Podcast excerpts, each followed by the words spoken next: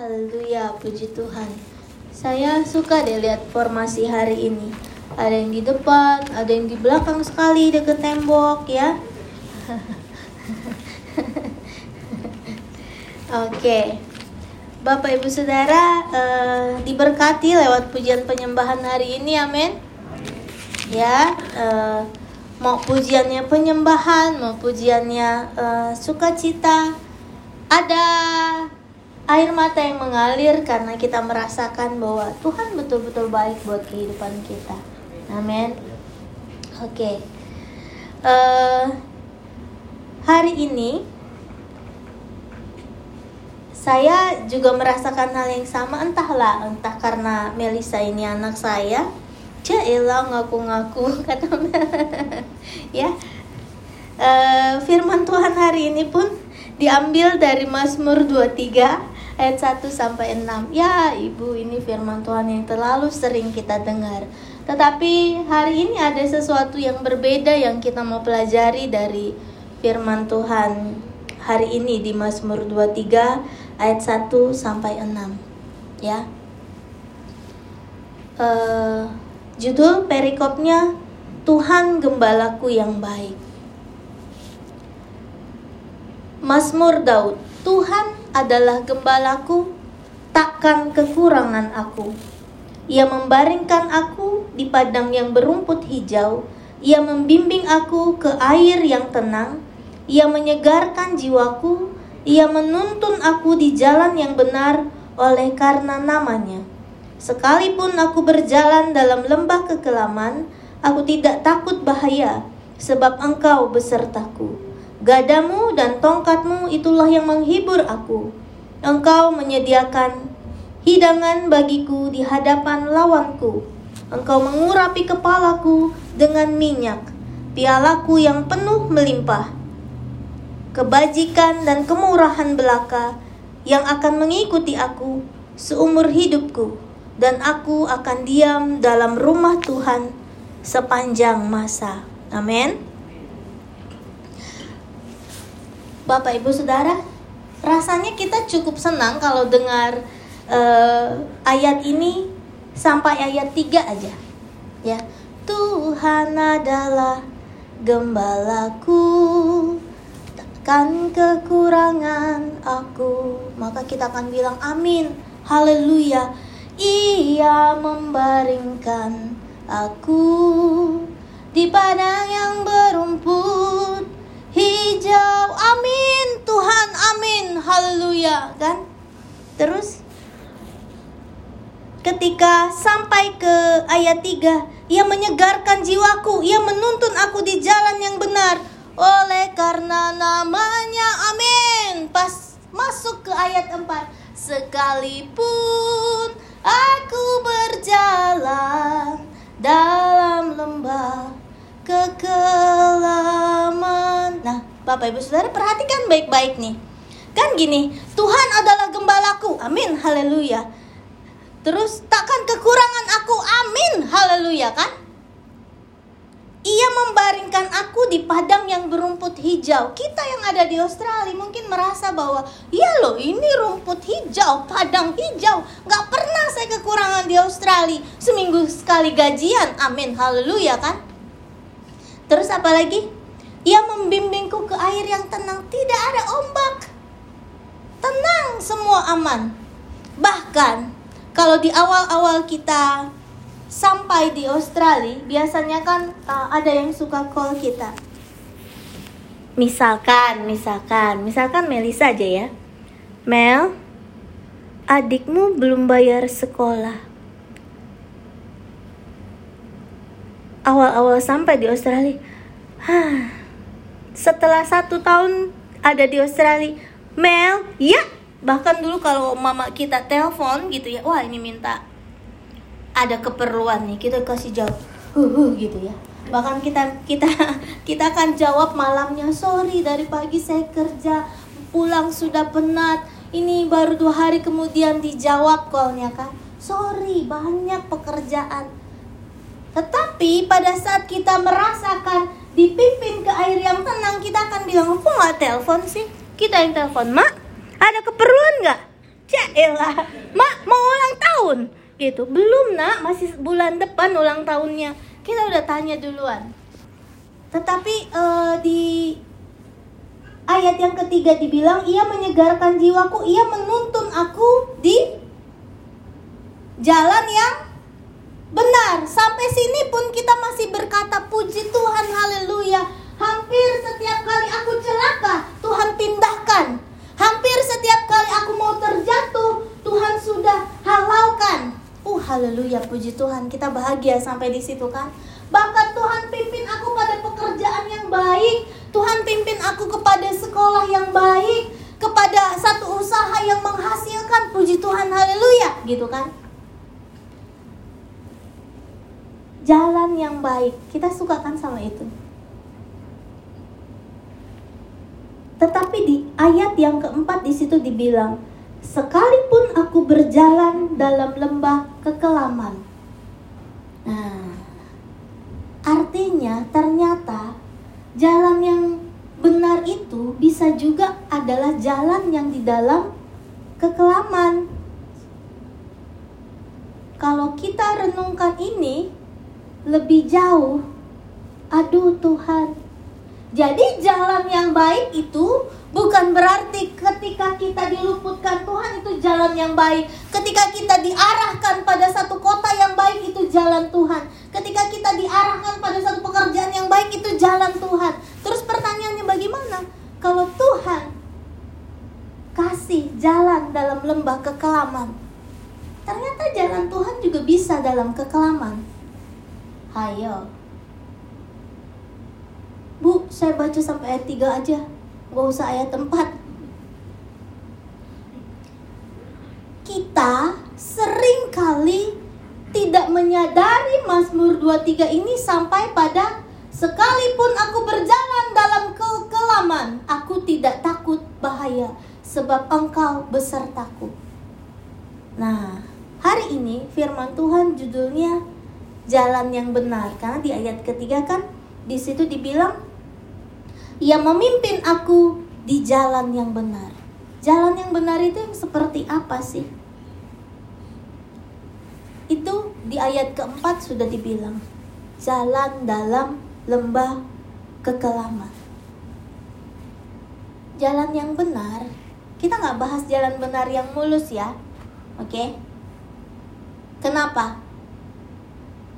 Kalau kita mau jalan yang mulus terus, kita nih mau memposisikan lebih daripada Tuhan Yesus loh. Ih, ibu, iya.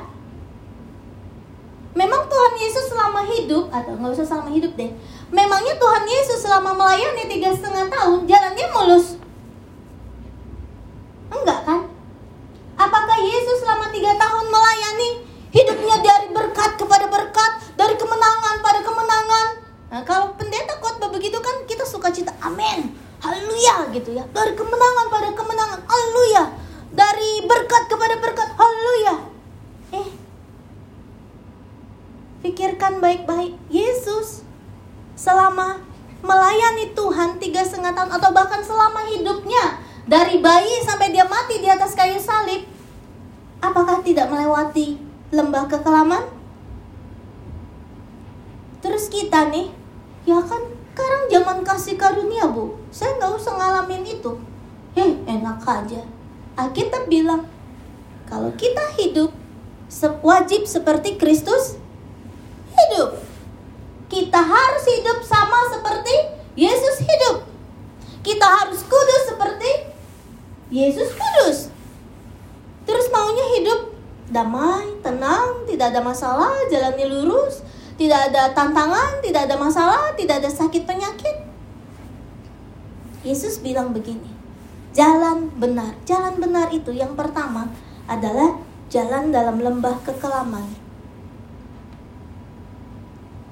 Jadi gini loh, Mazmur 23 ayat 1 sampai 6 ini di atasnya penuh dengan berkat dari ayat 1 sampai 3. Di ayat keempat ini kita harus sadar bahwa Jalan dalam kebenaran ada lembah kekelaman loh. Kita kadang-kadang nggak mau jalan di lembah kekelamannya, maunya di rumput hijaunya, di air yang tenangnya. Terus pas giliran di lembah kekelaman kita mau bilang apa? Tuhan, di mana engkau? Terus Tuhan bilang, di sini tahu di sebelah kamu. Tuhan, kenapa engkau tinggalkan aku? Enggak. Orang di situ dibilang apa? Aku tidak takut bahaya sebab engkau besertaku ada. Cuma memang harus lewat lembah kelam. Kita nggak mau loh. Padahal itu jalan yang yang benar. Kenapa? Ada apa sih di jalan yang apa di lembah kekelaman itu? Gini loh Bapak Ibu Saudara. Yang suka naik gunung, yang suka camping, tahu yang namanya lembah kelam. Area yang gelap, area yang tidak ada lampu, yang uh, tidak ada uh, air bersih, adanya sungai dan sebagainya itu namanya lembah kekelaman. Di mana kita harus bawa uh, pelita kita untuk men, untuk bisa menerangi di malam hari, itu namanya lembah kelam. Dalam melewati lembah kelam, apa sih yang harus kita miliki? Yang satu, berat berani. Ketika hidup kita diizinkan masuk dalam lembah kelam, kita harus berani. Ya, kelam nih atau kalau di Indonesia sih sering mati lampu ya. Kalau di Australia kita jarang terima mati lampu kan. Padam lampunya gitu. Kalau di Indonesia sering padam lampunya tuh mati gitu ya. Atau kalau yang nggak tahu yang di Malaysia tiba-tiba padam lampunya itu pada saat seperti itu kita kita mencari enggak ya? Di Malaysia enggak ya? Sering selalu oh selalu. Kira cuma Indonesia aja gitu. Tetap mati gitu. Makanya gereja-gereja di Indonesia biasanya punya generator. Kalau orang Indonesia bilang genset yang ditarik duk duk duk duk duk duk duk gitu ya. Nah terus uh, kita yang mau firman yang mau WL ini ada suara duk duk duk duk duk duk Tuhan Yesus baik duk duk duk duk duk gitu ya ada suara backsoundnya Nah pada saat kita berjalan dalam lembah kekelaman ketika kita mulai masuk ke jalan-jalan yang sudah mulai gelap yang harus kita miliki adalah keberanian kita harus berani kadang-kadang yang kita suka adalah kita berani melakukan dosa. Kita berani lawan perintah orang tua. Kita berani melanggar firman Tuhan. Tetapi ketika ada pencobaan, ketika ada tantangan, kita mulai merasa, aduh Tuhan kayaknya saya nggak berani deh lewati hal-hal yang gelap seperti ini. Hal-hal yang menyakitkan seperti ini. Terus kalau masuk lembah kelam, yang kedua kita harus tetap percaya bahwa Tuhan ada bersama kita. Seringkali pada saat kita sedang terpuruk, tidak ada orang menolong kita, tidak ada jalan keluar, semua orang meninggalkan kita. Kita dikecam, difitnah, disakiti, kita ngerasa aduh Tuhan, ini lembah kelam, aku nggak berani keluar, aku nggak berani temui orang, aku lebih baik di rumah aja sendiri menangis gitu ya. Aku rasanya tidak percaya pada siapa pun. Lebih baik aku pergi dari tempat ini, tinggalkan semuanya ini. Kenapa? Karena ini lembah kelam. Tuhan bilang di Mazmur 23 ayat 4 ini, aku tidak takut. Artinya kita harus berani. Terus sebab engkau besertaku, kita harus percaya Tuhan ada. Sekalipun kita tidak lihat. Tuhan ada sekalipun kita tidak lihat. Kalau saudara lihat Tuhan muka dengan muka, tatap-tatapan sama Tuhan, artinya engkau sudah almarhum. Jadi jangan suka bilang Tuhan aku tidak lihat engkau. Terus Tuhan bilang, eh hai gitu. Astagfirullah. Oh Tuhan, ternyata aku sudah almarhum almarhumah. Jadi jangan pernah bilang begitu ya. Nah, ada yang menarik. Apa sih jalan yang benar itu? Yang satu adalah jalan dalam lembah kekelaman. Jadi hari ini Kita nggak bilang jalan mulus, kita nggak bilang jalan tanpa masalah. Jalan yang benar menurut firman Tuhan. Ya kita buka di uh, Matius 7 ayat 3 ayat 12, Matius 7 ayat 12 sampai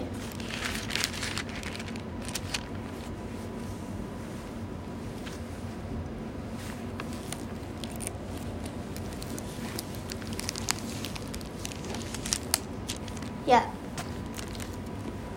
Judul perikopnya Jalan yang benar. Kalau yang guna Alkitab Kalau yang menggunakan Alkitab buku ada judul perikopnya, ya. Jalan yang benar. Jadi Tuhan itu kalau tulis satu ayat di Mazmur, dia membimbingku ke jalan yang benar. Jalan yang benar itu apa sih? Cari di Alkitab. Ternyata jalan yang benar di Matius 7 ayat 12 sampai 14 berkata demikian. Segala sesuatu yang kamu kehendaki supaya orang perbuat kepadamu, perbuatlah demikian juga kepada mereka kepada mereka. Itulah isi seluruh hukum Taurat dan kitab para nabi ayat 13. Masuklah melalui pintu yang sesak itu, karena lebarlah pintu dan luaslah jalan yang menuju pada kebinasaan, dan banyak orang yang masuk melaluinya. Sebab ayat 14 karena sesaklah pintu dan sempitlah jalan yang menuju kepada kehidupan dan sedikit orang yang mendapatinya. Ah. Jalan yang benar itu ah, yang kedua adalah pintu yang sesak. Ya ampun ibu nggak ada khotbah berkat nih hari ini. Nggak ada sorry ya. Bu hari ini nggak ada khotbah mukjizat nggak ada. Maaf ya. Hari ini pintu yang sesak Matius 7 ayat 13 di situ dibilang masuklah melalui pintu yang sesak itu karena lebar dan lebarlah pintu dan luaslah jalan yang menuju kepada kebinasaan. Memang Tuhan suruh kita masuk pintu yang sempit Kau mau ke gereja kan pintunya sempit apa artinya? Ada orang yang nyebelin loh di dalam gereja tuh. Lewat deh.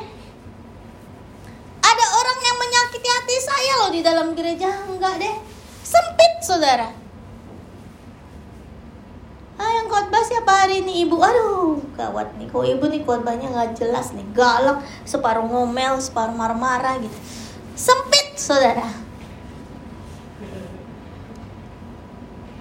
luaslah jalan menuju lebarlah pintu dan luaslah jalan menuju pada kebinasaan. Saudara, kalau kita pergi ke uh, mall, apa sih mall itu? Shopping center, malah dipanggil kan? Pintunya dibuka lebar. Kalau di Indonesia tuh silakan mampir kakak. Gitu. Kalau di Indonesia begitu. Nggak tahu di Malaysia ada nggak sih yang greeting gitu? Lihat-lihat dulu boleh kakak. Lihat aja dulu nggak beli nggak apa-apa kakak. Di Indonesia ada loh yang kayak gitu coba aja dulu kakak. Kalau di toko di di kedai e, pakaian masuk aja dulu kakak. Lihat-lihat dulu aja. Coba aja dulu kakak. Tidak beli tidak apa-apa.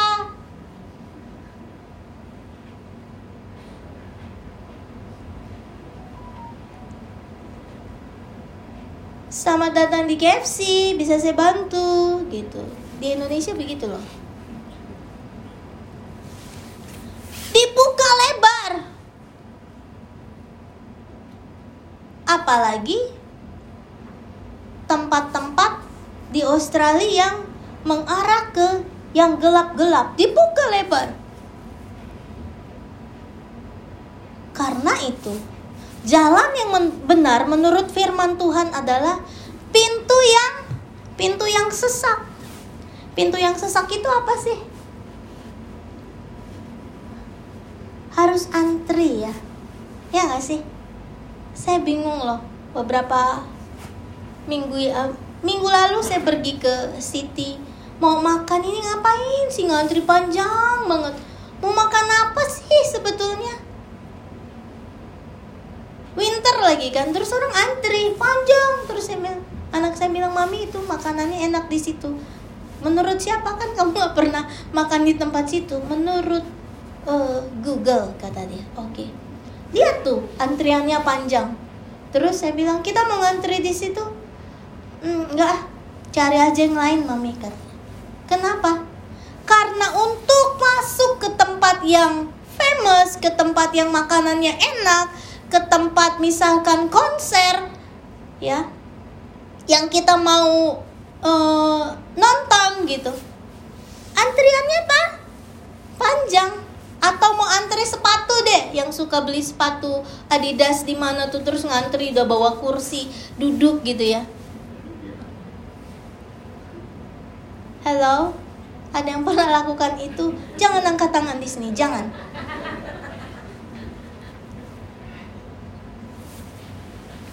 Antri apa sih artinya? Harus sah, sabar. Jangan saya bilang harus sah, sapi, bukan sabar. Harus sabar kan antri. Antri itu ger, terus Bapak Ibu Saudara kalau antriannya berjalan puji Tuhan haleluya. Kadang-kadang kita antri sebelum resto dibuka, kita antri sebelum pintu konser dibuka. Kita antri dari jam 12 malam Come on, Bapak Ibu Saudara, coba pikir baik-baik. Kalau kita menuju pada jalan kebenaran, kita nggak mau lakukan itu Tuhan. Lalukan pencobaan ini daripadaku. Tuhan beri jalan keluar sekarang juga Tuhan. Aku udah nggak sanggup lagi. Terus Tuhan bilang, eh kamu ngantri Adidas dari jam 12 malam bukannya jam 10 pagi kamu kuat?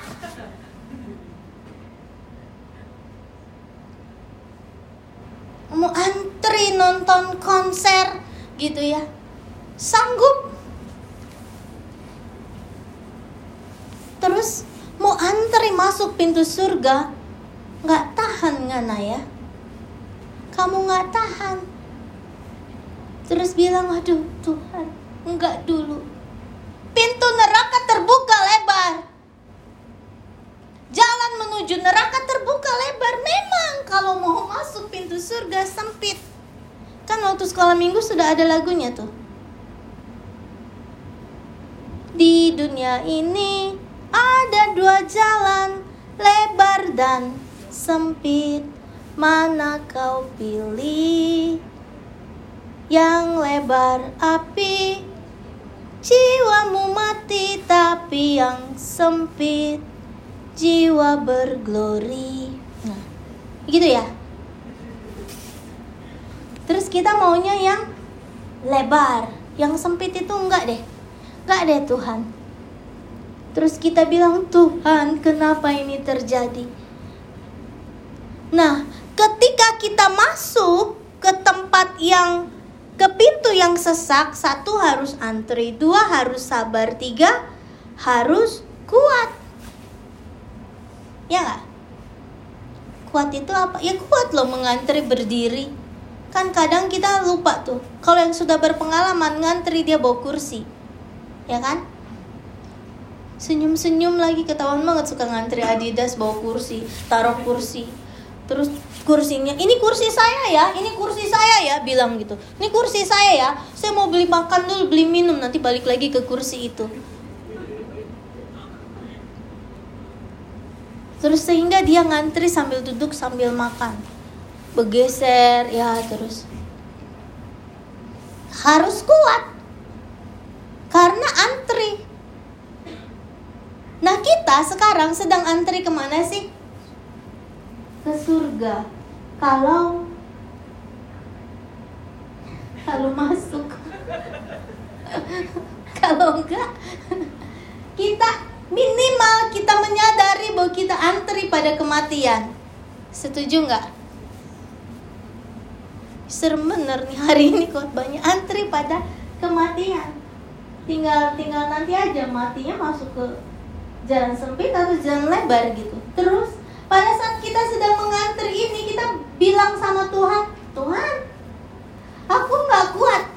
Tuhan, aku nyerah. Gitu kan? Mungkin ada yang usianya udah 30 tahun belum dapet jodoh terus dibilang Tuhan udah saya nggak anak Tuhan nggak apa-apa sepupu aja juga sepupu Tuhan nggak apa-apa kita suka bilang sepupu kita siapa Iya. Keturunannya Ismail. Ya udah sepupu Tuhan aja nggak usah anak Tuhan. Atau yang panggil Tuhan Om. Om itu Hud.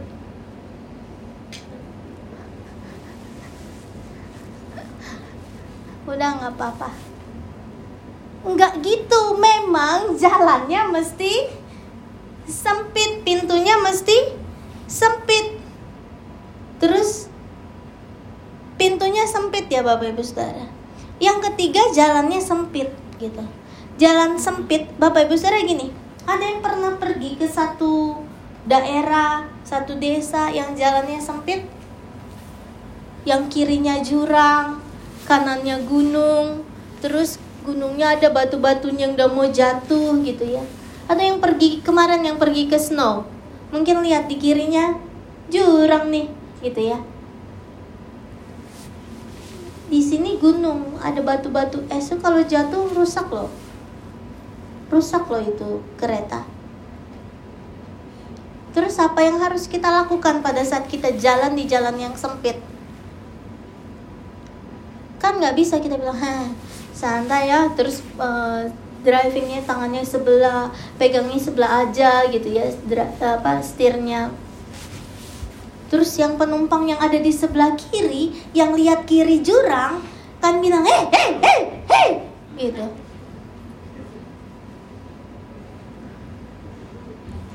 Terus kalau kita lihat supir kita, hmm, hei, gitu ya. Kenapa kiri jurang? Jadi kalau kita lewati jalan yang sempit, Artinya kita harus fokus loh. Ya. Fokus kan? Driving harus fokus kan? Kalau enggak mati satu kereta. Ya ampun ibu ngomongnya mati. Ya iyalah kalau jatuh ke kiri atau kalau kalau tidak ke kiri kita terlalu kanan terus kita kena sama SS yang ada di gunung sebelah bagian kanan itu di mana driver sedang uh, pegang kendali terus kena. Kan sama celaka juga. Itu namanya jalan sempit. Kiri jurang kanan batu. Batu ice makanya harus fokus di garis jalan itu line yang putih itu ada tujuannya loh ya bukannya ada orang iseng kasih gak ada kerjaan kasih warna putih-putih di jalan gak gitu yang putus-putus boleh melewati. Kalau nggak ada putus-putusnya, berarti harus stay di line itu. Kalau coba ke kanan, ya. Ketemulah muka dengan muka. Dengan kereta yang lain, dengan mobil yang lain. Bahkan kita bertemu muka dengan muka bersama Tuhan. Atau kalau nggak sama Tuhan bajunya putih juga, tapi di hospital. Pakai baju putih harus fokus. Jadi kalau kita mau masuk ke kerajaan sorga mau menang dalam hidup ini ya fokus. Lewat jalan yang sempit ini ya fokus gitu. Kalau papa saya dulu waktu hidup suka sekali bawa anak-anaknya driving ke mana-mana gitu ya. Ke Sumatera. Terus ada jalan-jalan yang jembatan dari kayu aja yang kayunya cuma satu meter kiri satu meter kanan fokus grung grung grung grung kalau dia miring ke kiri sedikit masuk sungai ada yang pernah lewati jalan-jalan seperti itu fokus kalau enggak satu keluarga meninggal gitu harus harus hati-hati. hati-hati. Jangan mengira hidup kita di dunia ini buat selamanya. Tolong, saya ingatin hari ini ya. Kita nggak hidup buat selamanya ya. Memang kita harus mempersiapkan masa depan kita, pensiun kita, masa depan anak-anak kita betul harus disiapkan. Tetapi bukan berarti kita lupa bahwa kita akan akan mati. Perbekalan buat kita di hari tua sudah cukup. Apa? Udah banyak deh savingnya. Perbekalan buat anak udah tenang bu. Anak saya sudah masuk asuransi ke kesehatan, asuransi uh, sekolah, semua udah lengkap. Terus asuransi jiwamu di hadapan Tuhan sudah lunas belum? Ya nanti aja bu, mudah-mudahan sebelum mati saya sempat bilang Tuhan ampunilah setiap dosa dan kesalahanku dalam nama Yesus Amin. Kalau sempat, kalau nggak sempat bilang begitu sama Tuhan gimana? Kan Tuhan bilang, aku akan ampuni selama nafasnya belum habis. Kamu minta ampun pasti diam, diampuni. Tapi kalau enggak gimana? Terus kita lupa gitu ya tiba-tiba tidur lupa berdoa besok pagi nggak bangun lagi gitu ya anaknya yang bingung anaknya yang bingung bapak ibu saudara saya ceritakan kan waktu itu ada uh, uh, papahnya jemaat di sini meninggal dibilang bu papa saya masuk surga nggak ya? Kenapa? Selama hidup dia tuh uh nggak baik hidupnya. Anaknya yang bingung. Keluarganya yang bingung ini yang meninggal masuk surga apa enggak kan? Karena kemarin baru marah-marahin jiran tetangga bawa-bawa samurai. Weh!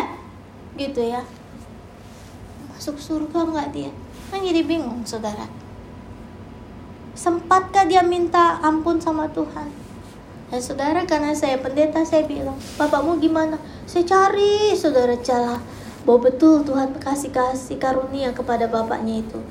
Saya bilang, gimana keadaannya waktu mau meninggal? Oh, dia sakit lama di rumah. Satu bulan sakit. Terus saya udah suruh uh, terima komuni datang ke rumah. Tapi dia juga nggak mau. Aduh, saya Tuhan, Tuhan saya kasih penghiburan lewat mana ini kan doa ibadah penghiburan kan Bapak Ibu Saudara. Saya bilang, saya percaya kalau orang mau sakit, kalau kita sedang sakit, kita ingat Pak Tuhan kan ya, kita ingat sama Tuhan kan? Ya nggak? Ada yang nggak yang sakit nggak ingat sama Tuhan? Nyawanya ada berapa? Kalau kita senang kan kita nggak nggak apa kita lupa sama Tuhan kan? Oh Tuhan, hai gitu. Udah lama nggak ketemu Tuhan, oke. Okay. Tapi kalau sakit, nggak usah kita yang sakit. Anak kita sakit, kita ingat sama Tuhan kan? Kayak Mika dia batuk. gitu ya. Maminya bilang aja, Mami aja yang sakit, mami aja yang batuk kan gitu. Oh Tuhan, udah gak minta kesembuhan sama Tuhan Tuhan. Kalau Tuhan gak mau sembuhkan anakku, pindahkan sakitnya padaku. Terus Tuhan bilang, ya ampun ya, kok malah kayak Tuhan suruh pesulap pindah-pindahin gitu. Mika betulan batuk-batuk sengaja nih. Pindahkan Tuhan aku aja yang sakit. Kan kita jadi ingat sama Tuhan kalau kita sakit kan. Saya bilang, kalau dia sakit dia pasti ingat Tuhan. Dia pasti minta ampun sama Tuhan. Tuhan pasti kasih pengampunan dan selamat. Selamatkan, amin, amin. Nah, tapi kita nih yang belum mati nih, jangan sampai bingung. Ketika kita mati orang bingung, aduh ini selamat apa enggak ya? matinya kecelakaan dalam kondisi mabuk. Oh Tuhan, akhirnya apa? Pendeta lagi yang bingung pada saat ibadah penghiburan. Cari lagi pikir.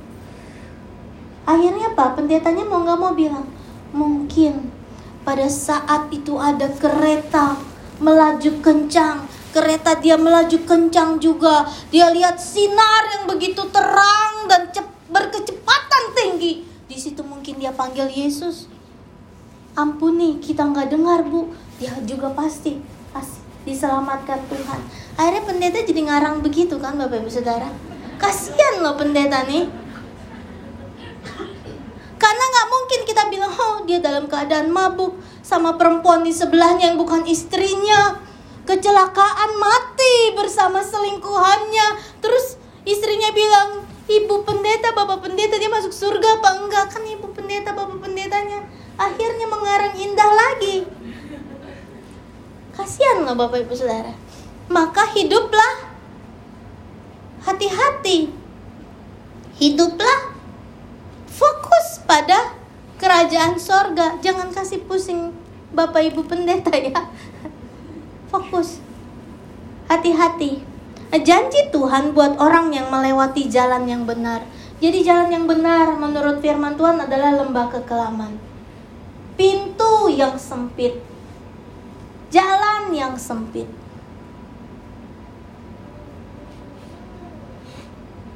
Senang-senangnya di mana? Boleh kok di lembah kekelaman menyanyi. Boleh nggak? Boleh. Boleh kok saat masuk ke pintu yang sempit kita ngobrol, kita sharing sama teman kita. Boleh kok pada saat jalan yang sempit kita menaikkan puji-pujian kepada Tuhan, bercanda sama orang-orang yang ada di dalam kereta, boleh nggak? Boleh. Asal tidak hilang fokus, asal sampai kepada tujuan. Bukan berarti lembah kekelaman itu tidak ada kebahagiaan. Bukan berarti pintu yang sempit itu tidak ada sukacita.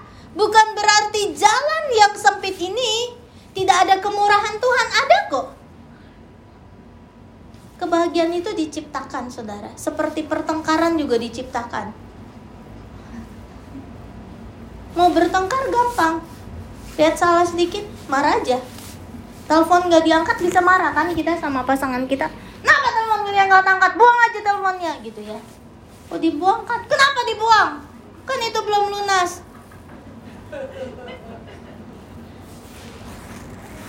Pun halnya. Contoh yang sama nih buat biar Bapak Ibu Saudara mengerti bahwa kebahagiaan itu diciptakan. Telepon nggak diangkat deh. Mungkin dia lagi beli kue durian buat saya, jadi dia nggak angkat. Berpikir positif bahagia nggak bahagia itu kan diciptakan. Walaupun terus dia pulang nggak bawa. Eh kok nggak bawa apa-apa sih? Tadi telepon nggak dijawab. Iya. Diciptakan aja bahagia. Oh kamu lagi sibuk ya? Oh sibuk buat apa sih? Kita mengarang-arang indah aja. Diciptakan bahagia itu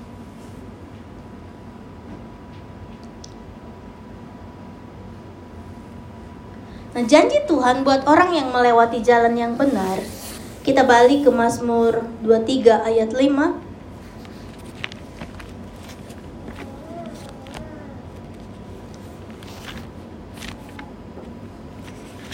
Engkau menyediakan hidangan bagiku di hadapan lawanku. Engkau mengurapi kepalaku dengan minyak, pialaku penuh, melimpah. Jadi, Tuhan menyediakan hidangan di hadapan lawan kita. Kita kan mikir, oh lawan kita tuh siapa? Bos saya tuh. Yang kemarin saya resign. Bos saya tuh. Yang kemarin saya dipecat. Tahu ya dipecat ya orang Malaysia ya? Itulah lawan saya. Lihat sekarang. Kerjaan saya lebih bagus. Hah, gitu ya. Bukan dia lawan tuh. Siapa sih lawan kita tuh orang tua. Yang nggak mau sekolahkan saya. Lihat saya ke Australia. Saya bisa sekolahkan adik-adik saya.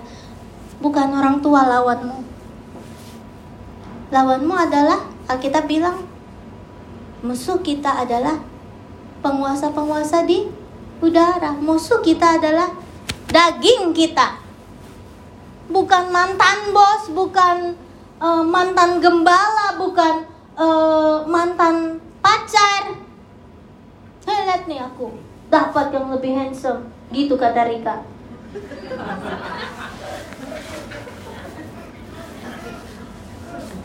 Pastor lagi.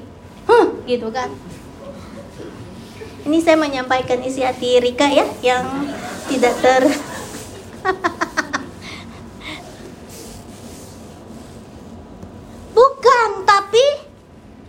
daging kita gitu. Daging kita penguasa-penguasa di udara menang dari kedagingan kita. Ah terus? Engkau mengurapi kepalaku. Jadi gini loh kita menang melawan daging kita itu kemenangan. Kita menang lewat daging kita itu kemenangan. Bukan menang lawan-lawan yang ada di dunia ini bukan. Ketika kita berani menyalipkan keinginan daging kita itu kita menang. Berani me melewati penderitaan kekelaman kesakitan.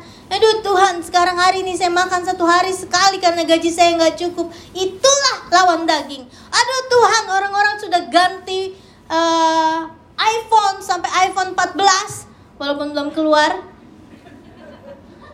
Saya masih pakai iPhone 6, itulah melawan daging daripada pinjam orang, kredit dan sebagainya terus nggak bisa bayar, akhirnya skor kreditnya rusak.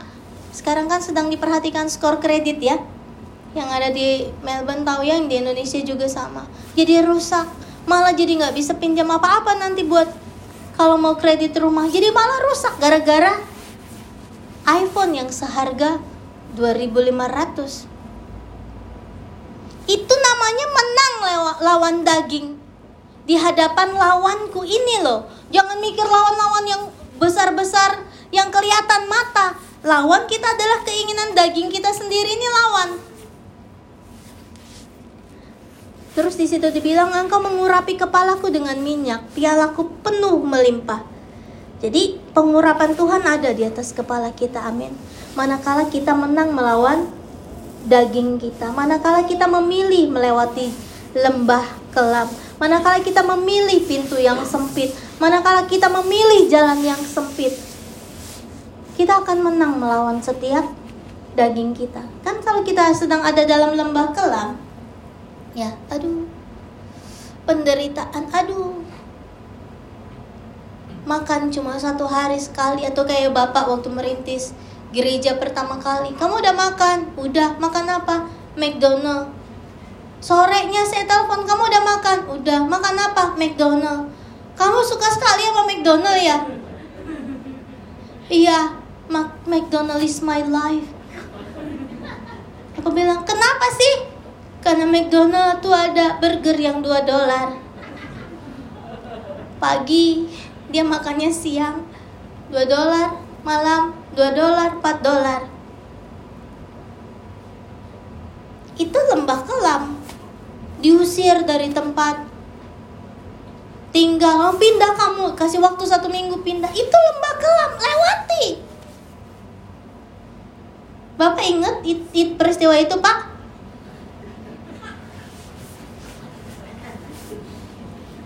itu lembah kelam lewati maka ketika daging disalibkan maka minyak urapan ada di atas kepala. Contoh contoh kecil. Saya kadang-kadang nggak bisa melihat urapan di atas kepala bapak. Sekalian ya saya puji-puji dia supaya dia nggak lepas kacamatanya. Karena menurut saya dia pakai kacamata handsome ya. Dikit. Suatu hari uh, saya sama apa bapak mau antar ibu dede pergi ke konsulat jenderal mau perpanjang paspor. Terus uh, saya bilang pergi sana berdua. Saya uh, mau temani Ken. Terus dia bilang enggak kamu harus ikut. Terus mau dilawan kata Alkitab nggak boleh gitu ya hormati suamimu apa pun kelemahan kekurangannya. Saya ikut juga saya naik ke mobil truk naik. Terus nyampe konjen kan susah cari parkir ya. Konsulat jenderal susah cari parkir. Dia bilang kamu turun sama Cici. Mau gue lawan ingat lagi firman Tuhan gitu ya. Ya udah saya turun sama Cici. Bu Dede ya terus udah udah urus urus urus giliran mau bayar nih. Bu Dede bilang heh dompetku nggak dibawa. Heh gitu. Nih rumahnya udah pisah nih jadi betul-betul dompet dia dia ke rumah saya dia udah nggak bawa dompet gitu uh, lupa. Terus waduh gimana? Oh ya ada dompet saya. Saya bilang gitu. Saya bayarkan terus udah dia bilang hebat ya Dedi. Penuh urapan untung mami nurut karena biasanya saya ngelawan kan. Kalau enggak cancel nih karena appointmentnya kan panjang tuh kalau di konjen Indonesia. Tunggu berapa minggu berapa bulan. Oh iya Dedi tuh mami diurapi Tuhan loh gitu-gitu. Iya iya iya saya manggut di situ. Terpaksa manggut iya iya. Kalau enggak kan cancel. Iya. Bisa melihat urapan bukan cuma sekedar sentuh orang jatuh gitu ya. Pegang orang terus gitu ya. Bapak lewat ih aku merinding merinding bapak lewat. Itu namanya bapak separuh hantu. Tapi kalau oh iya banyak kali peristiwa-peristiwa seperti itu ketika suami bilang nggak usah ya udah nurut ternyata ada sesuatu yang terjadi itu apa namanya urapan Terus ayat yang kedua, ya ayat yang keenam kebajikan kemurahan mengikuti kita.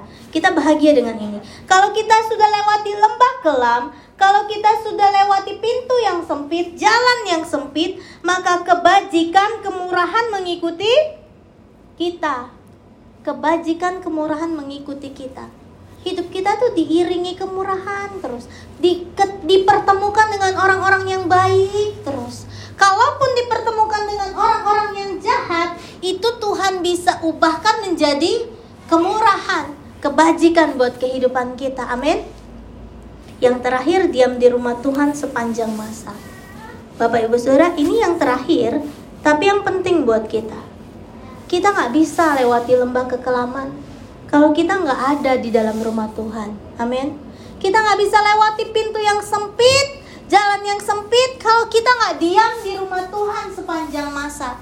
Kadang-kadang di rumah Tuhan itu ada air mata. Kadang-kadang di rumah Tuhan itu banyak sekali yang terjadi gesekan satu dengan yang lain. Suami dengan istri, pemain musik dengan pemain gitar dengan pemain bass gitu ya.